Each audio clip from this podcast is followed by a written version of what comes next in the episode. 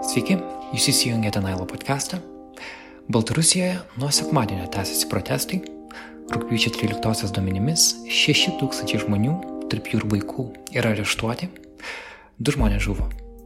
Aleksandras Lukašenka teigia laimės rinkimus, tačiau Baltarusiai ir didelė dalis tartutinės bendruomenės teigia, kad tai buvo ne rinkimai, o tik imitacija. Šiame specialiame Naila epizode mes kviečiame išgirsti pokalbį su filosofu Vytauto didžiojo universiteto profesoriumi Gintautu Mašeikiu. Su juo lietuviškai kalbasi Naila Rū redaktorė Ina Šilina. Interviu gyvai transliuotas Instagrame, bet mes norime jo dalintis su jumis ir podkastų platformose. Gero klausimo. O, aš dabar matau jūs gerai. Tai vis tiek tada bandom kalbėti. Nors labai girdžiu, kad uh, vėluoja garsas, labai turbūt vis dėlto pas kažką gana lėtas internetas turbūt. Kalbėsim apie Baltarusiją ir ne tik apie Baltarusiją, turbūt ir apie mus. Ir kas uh, man buvo svarbiausia, nuo ko pradėti, tai nuo to, kad aš vos atsimerkus akis iš ryto perskaičiau jūsų tekstą apie Cichanovskają. Aš neprisimenu dabar jo pavadinimo, bet aš visiems klausytojams norėčiau jį parekomenduoti, nes per kelias dienas, kurie aš stebėjau, kas ateina pas mane, kokie pasisakymai ar tekstai ir mane vis netenkina kalbėjimo būdas. Ir aš net išsigandau, kad kada nors va taip atidarysiu kokį nors tekstą ir nepastebėsiu, kad jis yra svetimas man, kad jis yra parašytas man svetima kalba, nors ir rusiškai ar lietuviškai. Ir aš pagalvojau, kad mes turim saugoti savo kalbėjimo būdą. Ne tik puoselėti kalbą, lietuvių arba, pavyzdžiui, gimtoji kalba, jeigu tai ne lietuvių, bet būtent kalbėjimo būdą. Puoselėti tą europietišką humanistinę kažkokią tradiciją, kai pradžioje yra žmogus, pagarba, kilnumas, kad reikia užstoti ir Tai buvo man svarbu. Ir mes dažnai kalbam apie tai, kad mes uh, žinom, iš kur ateina propaganda. Ir mes žinom, kaip, kaip būti antipropagandistai, pavyzdžiui. Bet niekada nepastebėm, kad, pavyzdžiui, mes vis tiek esame toj įtakoje, tos kovos arba to lauko įtakoje. Ir kai, pavyzdžiui, pradeda kalbėti apie tai, kas už tai moka ar kas sumoka, tai aš iš karto prisimenu mano pokalbį apie FEMAN judėjimą, su vienu um, žmogu, kuris pabėgo dar iš Janukovičiaus Ukrainą, uh, šviesus, geras, uh, pozityvus, progresyvus žmogus. Bet vis tiek, kad kai aš pradėjau kalbėti apie Feman, jis pirmą, ar tu žinai, kas jiem mokėjo? Ir aš pagalvojau, kad vis dėlto tai įsisavintas propagandistinis uh, žodynas. Ir kad jis tada iš karto nutraukė pokalbį, dialogą ir net monologą su savim nutraukė, nes tada prasideda polimas, tada prasideda ginčiajimas, ginčiajimasis ir pasiteisinimas. Ir vat, tai tokie mano yra pastebėjimai apie tai, ką aš matau dabar medijose ir, ir ne tik mūsų, bet tai, tai kas ateina iš, iš kitur.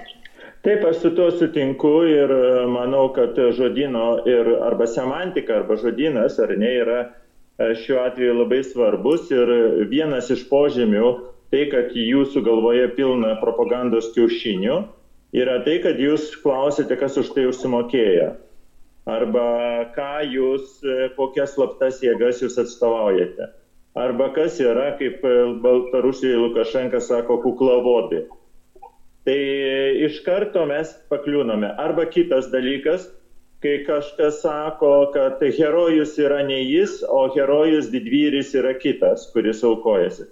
Tai vadinasi, mes iš karto pasirenkame diskursą ir e, kadangi tam diskursui arba kalbėjimo būdui šitas žmogus netai mes jį pasmerkime. Mes laukiame aukų, mes laukiame kraujo, e, mūsų kaip vartotojų poreikiai taip yra išugdyti, būtent tokius filmus mes žiūrime taip mums praneša žiniasklaida. Ir, ta, ir tas kalbėjimas yra ultra maskuliniškas, tai yra vyriškas, bet to mitologizuotas būtinai, susijęs su kažkokiais tai ten praeities didvyriais, arba su kažkokiais tai partizanais mytiniais miškuose lakstančiais ar antrojo pasaulinio karo metu ar po to.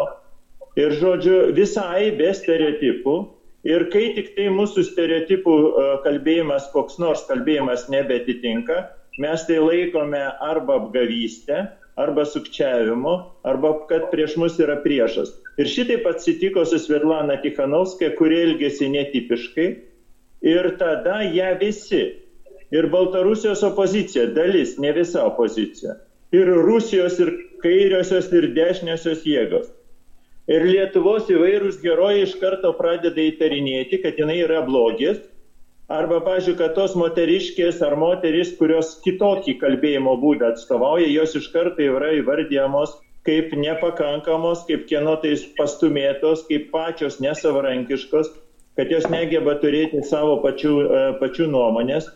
Daugumai įsivaizduoju, aš išgirdau visai tokį baisų palyginimą apie e, Tikhanovskiją vakar, atrodo, per jo kažkok, kažkokią Rusijos tarnybą opozicijos, pabrėžiu, opozicijos. Jau atsiminiau, bet nesakysiu tokio blogerio vardo. Garsaus, kuris sako, kad žinote, Solženicinas savo vaikus būtų paukojęs tada, kada jį tardė. Ir neva Solženicinas yra sakęs, kad jeigu norite, sušaudykite mano vaikus, bet jie neturėtų gyventi tokioje baisioje Sovietų sąjungoje. Aišku, kad visa tai yra sukonstruotas didvyriškumas ir šito tokio, toks didvyriškumas yra primetamas e, kitiems žmonėms. Tokiu būdu yra sulaužoma galimybė diplomatiškai dėrėtis, tokia e, sulaužoma galimybė vienas kitą girdėti ir svarbiausia, kad e, perkeliama atsakomybė kitam asmeniui. Pavyzdžiui, Tikhanovskijos atveju aš pastebėjau, kad visą atsakomybę, opozicija visą atsakomybę perkelė jai asmeniškai. Vietoje to, kad patys paklaustų, o kur jie buvo. Už tai aš ir, aš, už tai aš ir sakau, man, pažiūrėjau, sunku įsivaizduoti, e, kai kuriuose šalyse, netgi ir sąjūdžio laikais, kad koks nors vienas Lasbergis eitų į KGB aiškintis, e, kaip e, mokinukas atsisėdęs ant suolo, ką jis yra padaręs kur opozicija, kas, kas ją gynė tuo metu. Arba tai, kad jinai išvyko ar ne, e, priremta prie sienos, kodėl ji buvo kaltinama dvi, tris dienas. Tai e, šitie dalykai man yra nesuprantami ir tame matau aš didelį, didelę pralaimėjimo grėsmę. Būtent tai, kad e, pasirenkamas lygus Lukašenkai beprotiškas didvyriško elgesys, didvyrio elgesys. Jo, dar, to... Lukašenka dar toks žinomas seksistas, Jis nedažnai dažnai pasireiškia, bet klausytojams turiu pasakyti, kad Svetlana Tikhanovskaja dabar Lietuvoje buvo pranešta, kad ją atvežė prie sienos saugumiečiai Baltarusijos, kad ji patyrė labai didelį spaudimą ir pagal a, viską matosi, kad ji vis dėlto laimėjo rinkimus. Ir dabar Kas turi, nežinau, kaip mes turim ją vadinti? Ar išrinktoji prezidentė, ar kaip? Na tai vėl kiekvieno piliečio pasirinkimo reikalas. Žinote, kartais piliečiai net legaliai vakaruose išrinktą prezidentą, pažiūrėjau, Donaldą Trumpą, vadina tai ne mano prezidentas. Ir kai kuriuos asmenys mes galime vadinti, Lietuvoje, pažiūrėjau, Lozuraitis buvo kažkada kandidatavęs su Brazausku, po, po rinkimų, nežiūrint to, kad Brazauskas laimėjo, kai kurie vadino Stasį Lazuraitį, tai mano prezidentas. Vis tiek tu gali pasirinkti. Ir jeigu manai, kad išrinktoji Baltarusijos prezidentė, aš beveik nebejoju, kad ji ir yra išrinkta, Svetlana Tikhanovska, jeigu jūs pasitikite savo žodžiu, jūs ją galite vadinti išrinktąją prezidentę. Ir reikia tada su elgtis atitinkamai su pagarba. Kitas žmogus yra apsišaukėlis šiuo atveju. A, šiaip, man atrodo, tai buvo jūsų ta palyginimo linija su Hobbitu ir Vlastilin kalės. Aš dabar kažkaip neprisimenu, kai tai buvo išversta į lietuvių kalbą, a, bet vis dėlto žydų valdovas. Žydų valdovas. Tai, tai tas pats, kai skaityti knygą a, apie Hobbitą, jo ir būti ne jo pusėje kažkaip, aš taip, kaip, jeigu taip sakyti. Taip, bet tie, kurie skaitė knygą Tolkieno, būtent knygą, o ne tiek žiūrėjo, nors filme truputį išsaugota yra, tokia ypatybė neprisirišti prie valdžios. Tai vadinasi gebėti neužsimauti galios žiedą arba atsispirti galios žiedui. Jie per ilgą laiką atsispiria galios žiedui. Tuo tarpu tie, kas užsimauna galio žiedą, jiem aptemsta protas, bet per tam tikrą laiką. Tai ir yra metafora. Protas žmogui aptemsta per 8 ar 10 metų.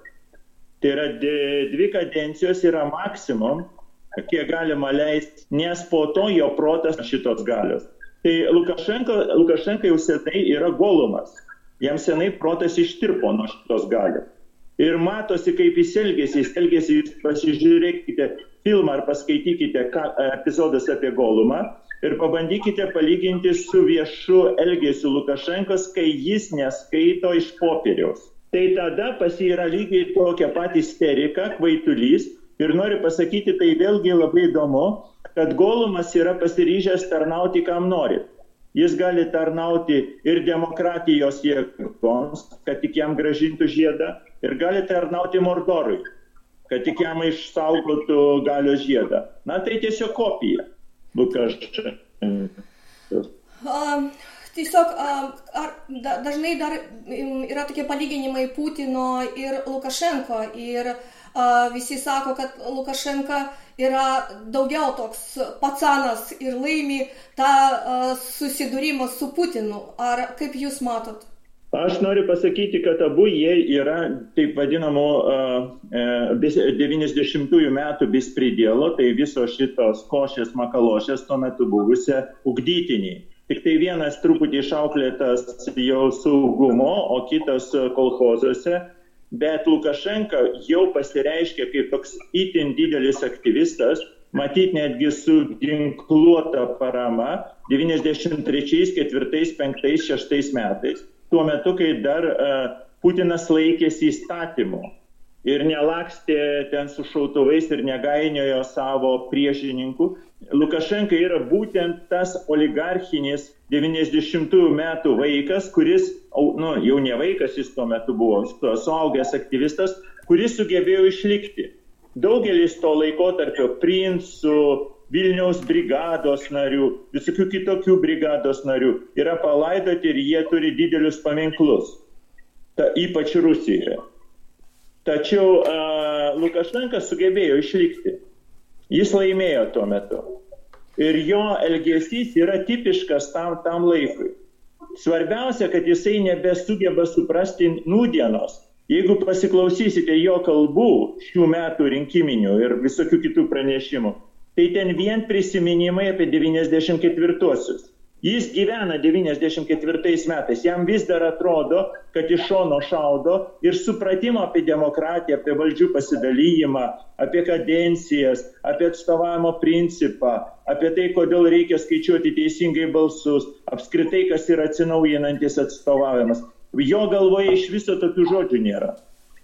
Jis net nesupranta, apie ką, ką dabar aš sakau. Jo, pavyzdžiui, kai aš dabar da, matau protestus ir susirėminimus, uh, skirtingose rajonuose Minske. Tai pavyzdžiui, prieš Amono lai, laimi daugiausiai Serebrianka, Malinovka ir Šabanai. Bet kai aš kalbėjau su vietiniais gyventojais, Minsko gyventojais, jie man visi sakydavo, kad vat, būtent vat, tie pacanai, tie, kaip jie vadina jas marozais turbūt, nes ne visi gal žino žodis pacan, um, taip, taip. tai vat, ten tokie rajonai, kur būtent tokių yra labai daug Ir pasirodo, kad dvi kalbas Amono ir tų rajonų gyventojų kažkaip susitiko ir pasirodo, kad dar teisingumo, teisingumo jausmas, aišku. Tai vat, gyventojai, tie protestuotojai tuose rajonuose, jie laimė prieš Amono. Bet vat, taip mes dar prieėjom prie tų represijų ir man toks būtų klausimas. Lukašenko tokia retorika, viskas pastatyta ant to, kad mes laimėjom prieš fašistus. Jeigu eini Minske, tai visas miestas kaip ir dedikuotas tai, tai pergaliai. Architektūra, toponimika, visi pasakojimai apie pastatų, nes, pavyzdžiui, ten kažkoks pastatas iš akmenų iš Stalingrado pastatytas, ar dar kažkas. Ir visa jų, jų išsilavinimas ir, ir viskas, kas ir šventės, kalba apie tai, kad mes laimėjom prieš fašistus. Ir dabar, kai aš ką aš matau kaip uh, elgėsi Amonas su protestuotojais, man kažkaip, uh, nu, yra klausimų, kaip taip galėjo nuvykti, nuvykti kad per 30 metų išauga tokia karta, kuri uh, elgesi taip, pavyzdžiui, šaudo guminiais kulkais uh, į žmonės, kurie specialiai pasodinti autobusų stotelėje, prieš tai buvo sumušti. Arba čiupami ir mušami net uh, paaugliai ir net uh, šaudo ne tik guminiais kulkais kad jie tiesiog uh, yra tokia operacija, jį vadinasi hapun, uh, sučiupti. Jie važiuoja ne tik per protestus, jie važiuoja tiesiog rajonuose ir gaudo tiesiog pavienius žmonės, kurie šiaip ėjo. Jie yra žiauriai mušami, jie yra žeminami. Uh, ten, kur yra izolatorius, ten iš vis kažkoks koncentracinis, uh, koncentracinė stovykla. Ir vat, iš kur atsirado tokia karta? Na, pirmiausia, tai daugelis jau yra, ne aš čia pastebėsiu, welcome į gulagą. Tai yra, su, sugrįžame į gulaginę aplinką. Ir tai, ką jūs matote, aš, pažiūrėjau, skaičiau apie tai atsiliepimus jau išleistų iš sulaikytojų, kur jie sėdėjo keturvietėse kamerose, sulaikytojų po 12, po 20 žmonių sukištų. Negal, negal, negal, mėgosto arba vandens. Tai atsiverskite Solženicino archipelagas Gulagas, kada yra ten sul, aprašymas sulaikymo kamerų. Tai jūs nesuprasite, apie kokius laikus skaitote. Ar čia nais yra 37-ieji, ar 47-ieji, ar 2020-ieji. Toliau dėl e, sužvėrėjimo. Žinoma, kad e, šitiem Omono e, ir kitų galios struktūrų žmonėm buvo pasakyta elgtis radikaliai kietai bet nebuvo įsakyta jiems būti žiauriems. Aš esu tikras, kad Lukašenka įsakydamas, kad būti labai griežtiems, nesigailėti, neturėjo omeny to, kad reikia susodinti specialiai aukas ir ją šaudyti guminėmis kulkomis arba klupojantį žmogų daužyti iš nugaros ir suspardyti. Aišku, kad tai yra jų vidinis sužvėrėjimas ir tai, tai jau vidinė psichologija, kuri prasideda smurto grupėse, smurto grupėse. Ir, ir, ir šita smurto technologija žinoma, kad paskatino jau jų vidinė, vidinės iniciatyvas. Problema yra tai, kad jų niekas nesustabdo. Lukašenkos valdžia ir aplinka bijo sustabdyti štai šitą įsisiautėjusią grupę.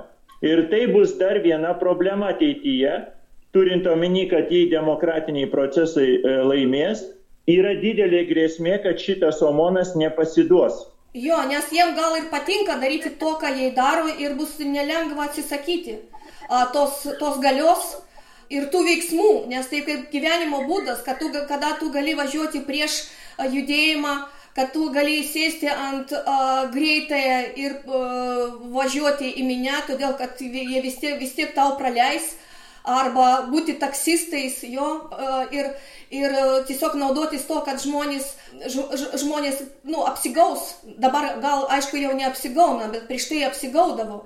Iš kitos pusės mes turim ir kit, kito žmogaus elgesį ten, Baltarusijoje. Įdomus, kad pavyzdžiui visas protestas yra balta spalva, fejerverkai, signalizacija, Cojaus daina, perimien, permainų Tai yra vakar vakare tai buvo eliminacija langais, mėgamieji rajonai buvo panašus į kažkokį nau, naujametinį kažkokį vakarėlį, kai visi, visi uh, su girlendomis ir, ir taip toliau. Tai pasipriešinimas yra toks. Koks jis gali būti dar, kad, kad pavyzdžiui, suvaldyti situaciją? Aš manau tai, kad nuo ko mes pradėjome, kad Tichanovskая Lietuvoje tai yra vienas geras šansas sustabdyti smurtą. Todėl, kad e, iš vidinių būdų Minske sustabdyti smurtą sunku. Sustabdyti smurtą galima, jeigu prisidės tarptautinė bendruomenė. Prasidės nuolatinis tarptautinis ir ekonominis spaudimas. Tada, žinoma, bus įsakyta jiems nesmurtauti.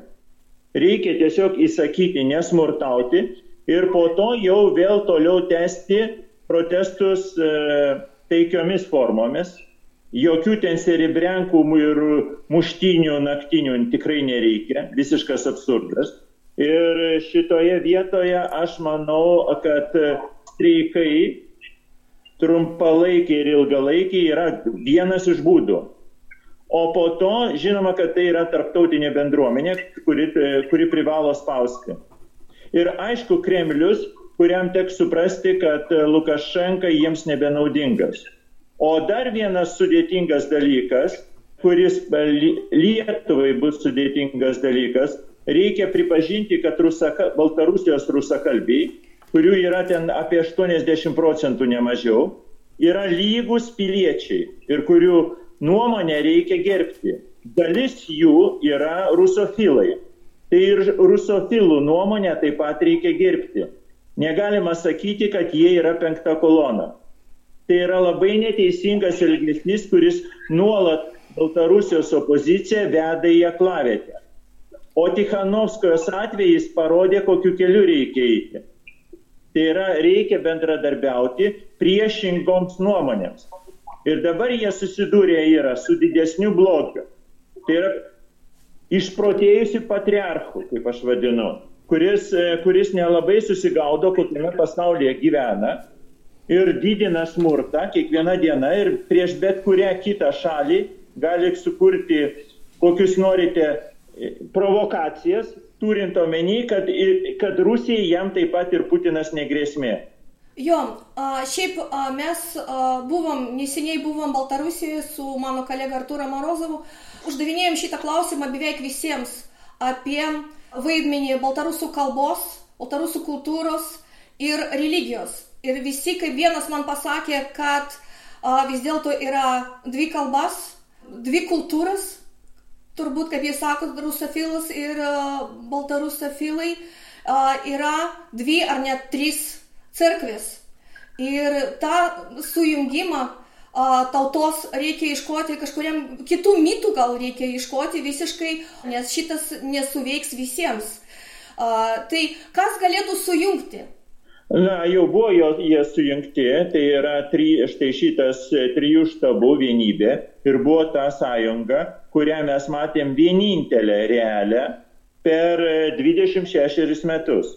Tai yra jokios kitokios e, e, vienybės, jokios kitokios sąjungos nebuvo. Šitas štabas, ir be to reikia pastebėti, šitą štabą sukūrė moteris. Ir vėl be savo didvyriško diskurso. Pirmiausia, tai reiškia atsisakyti didvyriško diskurso, nešnekėkite ten LD, LDK, nešnekėkite ten partizanai antro pasaulinio karo metu, nešnekėkite visų šitų e, pasakų ir mitų, Pirmiausia, aptarkite sociologiškai ir antropologiškai, ekonomiškai, kokia visuomenė jūs esate. Iš tiesų, mažiausia dvi, trys didelės grupės žmonių pagal savo politinę orientaciją, vakarietiškų, rytietiškų, ten dar e, sovieto, e, su sovietinė nostalgija.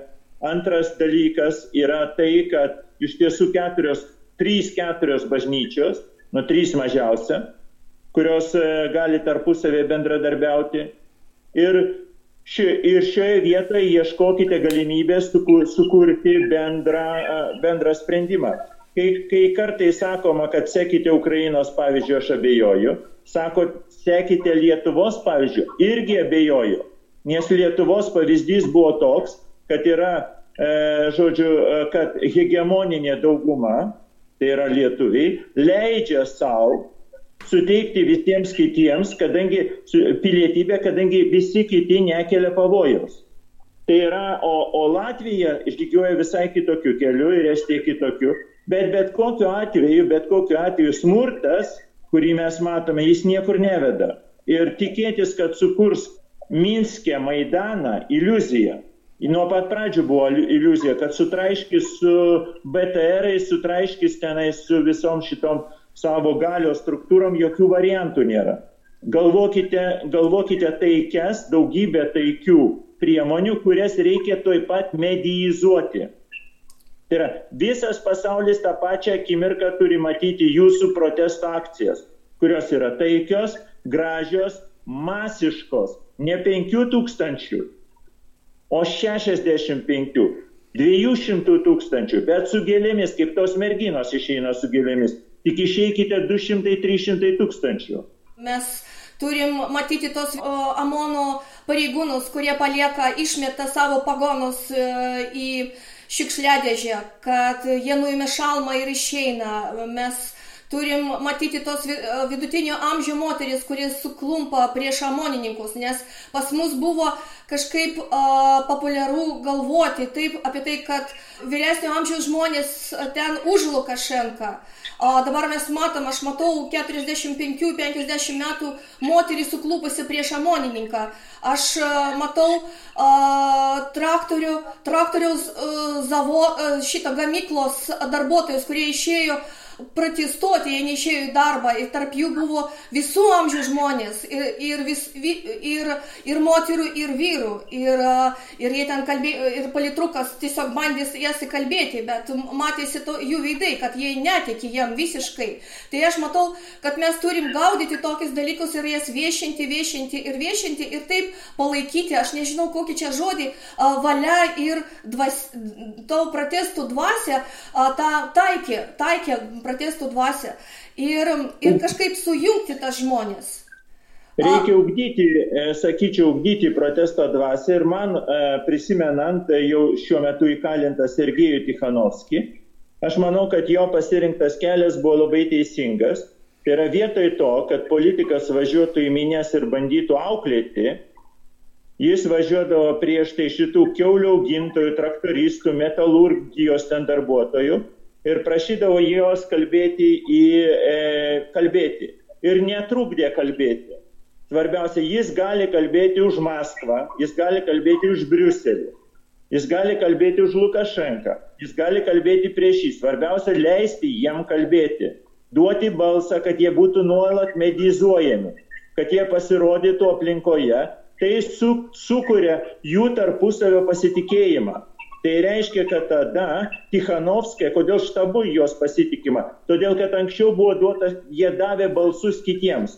Duokite kitiems kalbėti, tegu išsišneka. Nesvarbu, kad jie šneka ne taip, kaip jūs norite. Neužsiminėkite propagandą. Yra propagandistai sėdi jau, uh, sėdi uh, drosduose, o jūs leiskite kalbėti piliečiams. Ir kuo daugiau vietoje smurto štai šitas kalbėjimas. Omonas nesugebės medijose nieko organizuoti. Jis yra bejėgis prieš tokį kalbėjimą.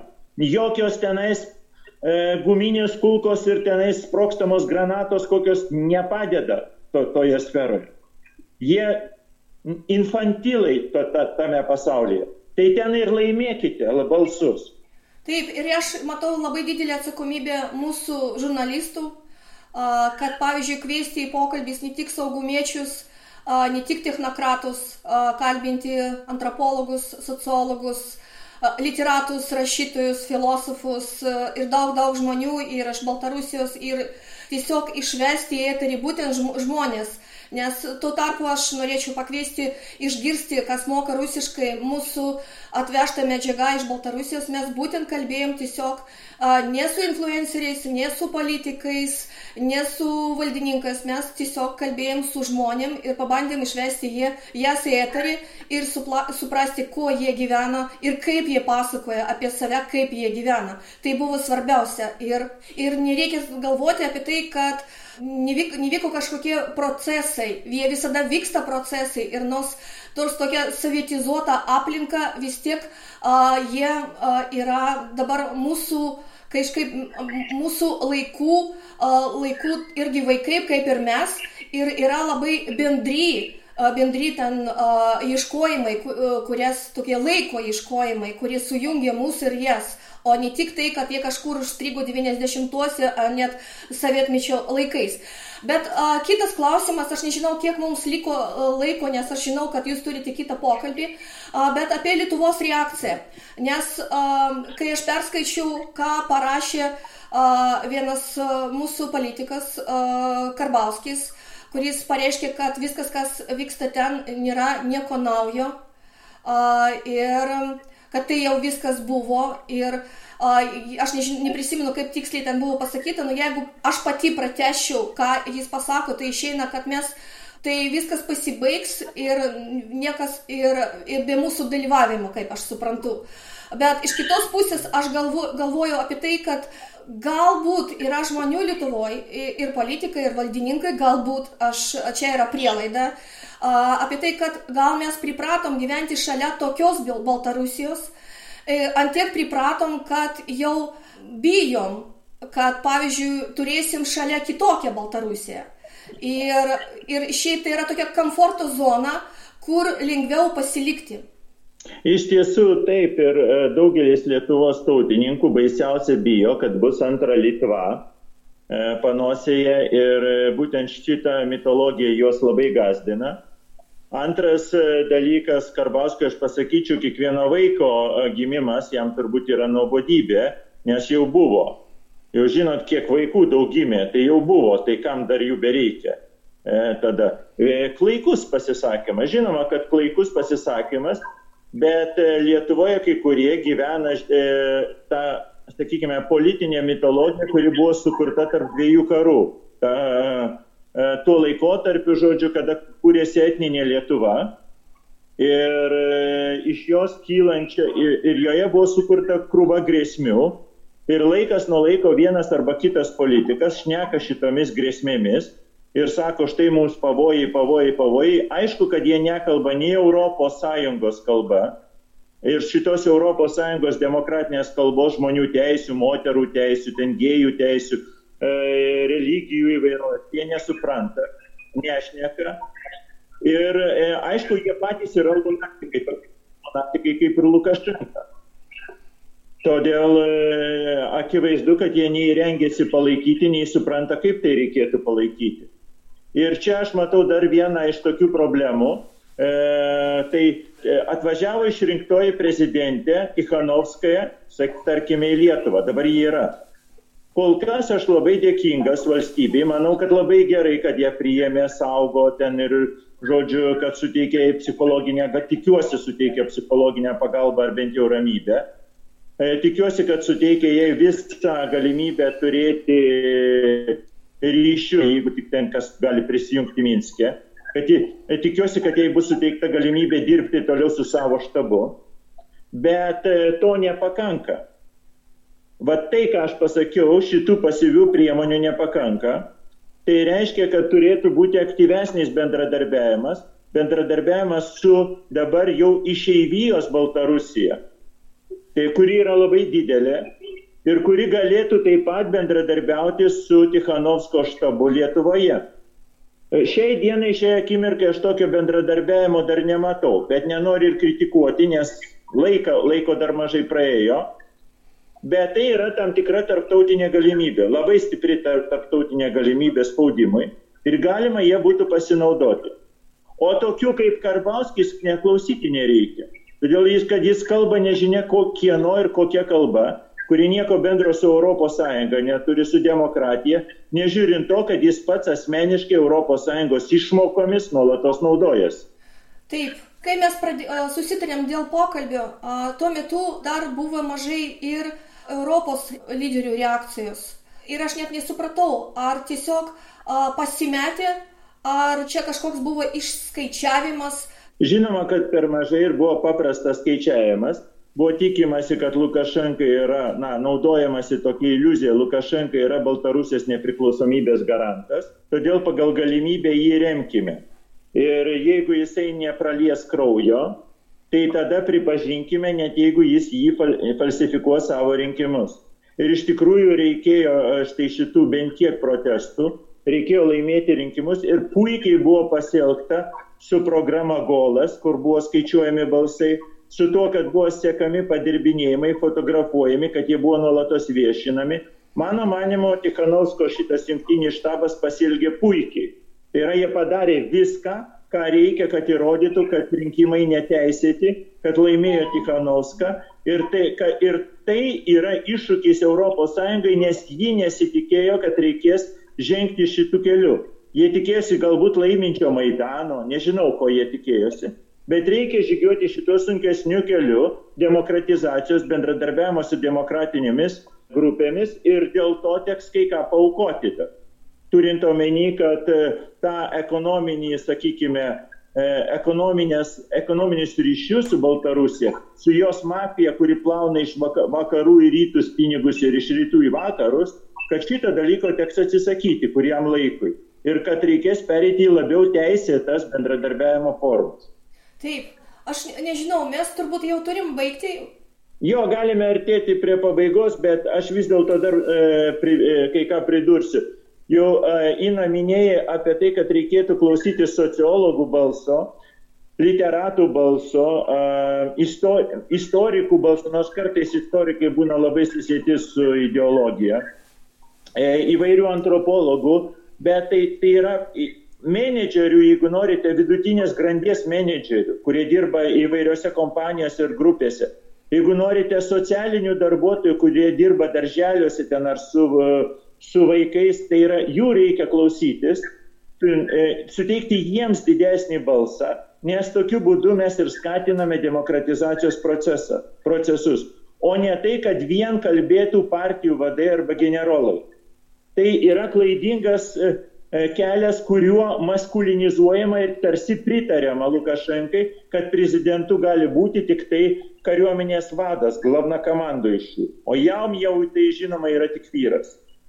Jo, jis pasisako, kad negali būti moteris, nes nemoka šaudyti ir e, valdyti tanką. Kažką taip, aš labai ten blogai prisimenu, bet aš noriu dar pasakyti apie Cichanovską, kad pavyzdžiui, vis dėlto reikia prisiminti, kad jos vyras yra kalėjime, o kalėjimas yra, Lukašenkos kalėjimas yra žiaurus dalykas. Nes vakar, kai aš perskaičiau, kaip dabar tas polittechnologas, kuris dirbo Barakui Obamai, Merkel, tai jis dabar kankinamas jis buvo nuogas pasadintas, pavyzdžiui, į tokį kambarį stiklinę penkiom valandom, kur negalima atsisėsti. Jis turi skusti veidą su buku peiliu ir jis ten veidas vien hematoma ir tokiu būdu, kankinimo būdu turbūt yra ten daug ir net ir e, parai ir dviem param, man atrodo, patekti į Lukašenko kalėjimą yra labai didelis išbandymas sveikatos.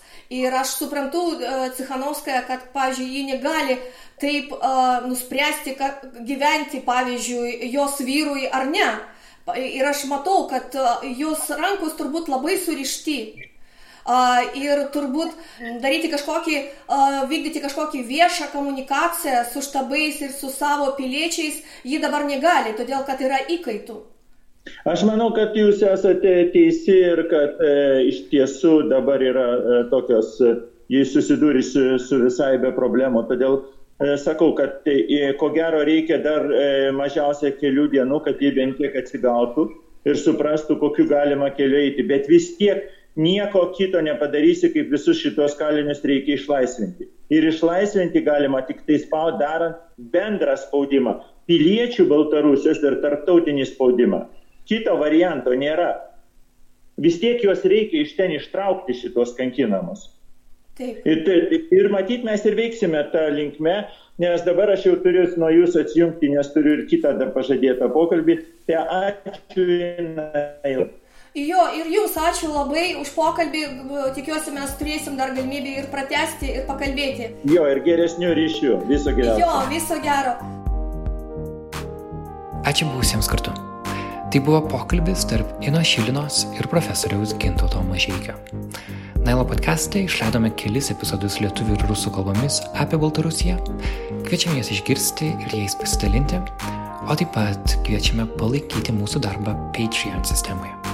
patreon.com slash nanukmultimedia toks yra adresas norint tai padaryti. Mano vardas yra Karolis Višniauskas, Nailo podcast'ą kuria žurnalistų kolektyvas Nanuk. Iki.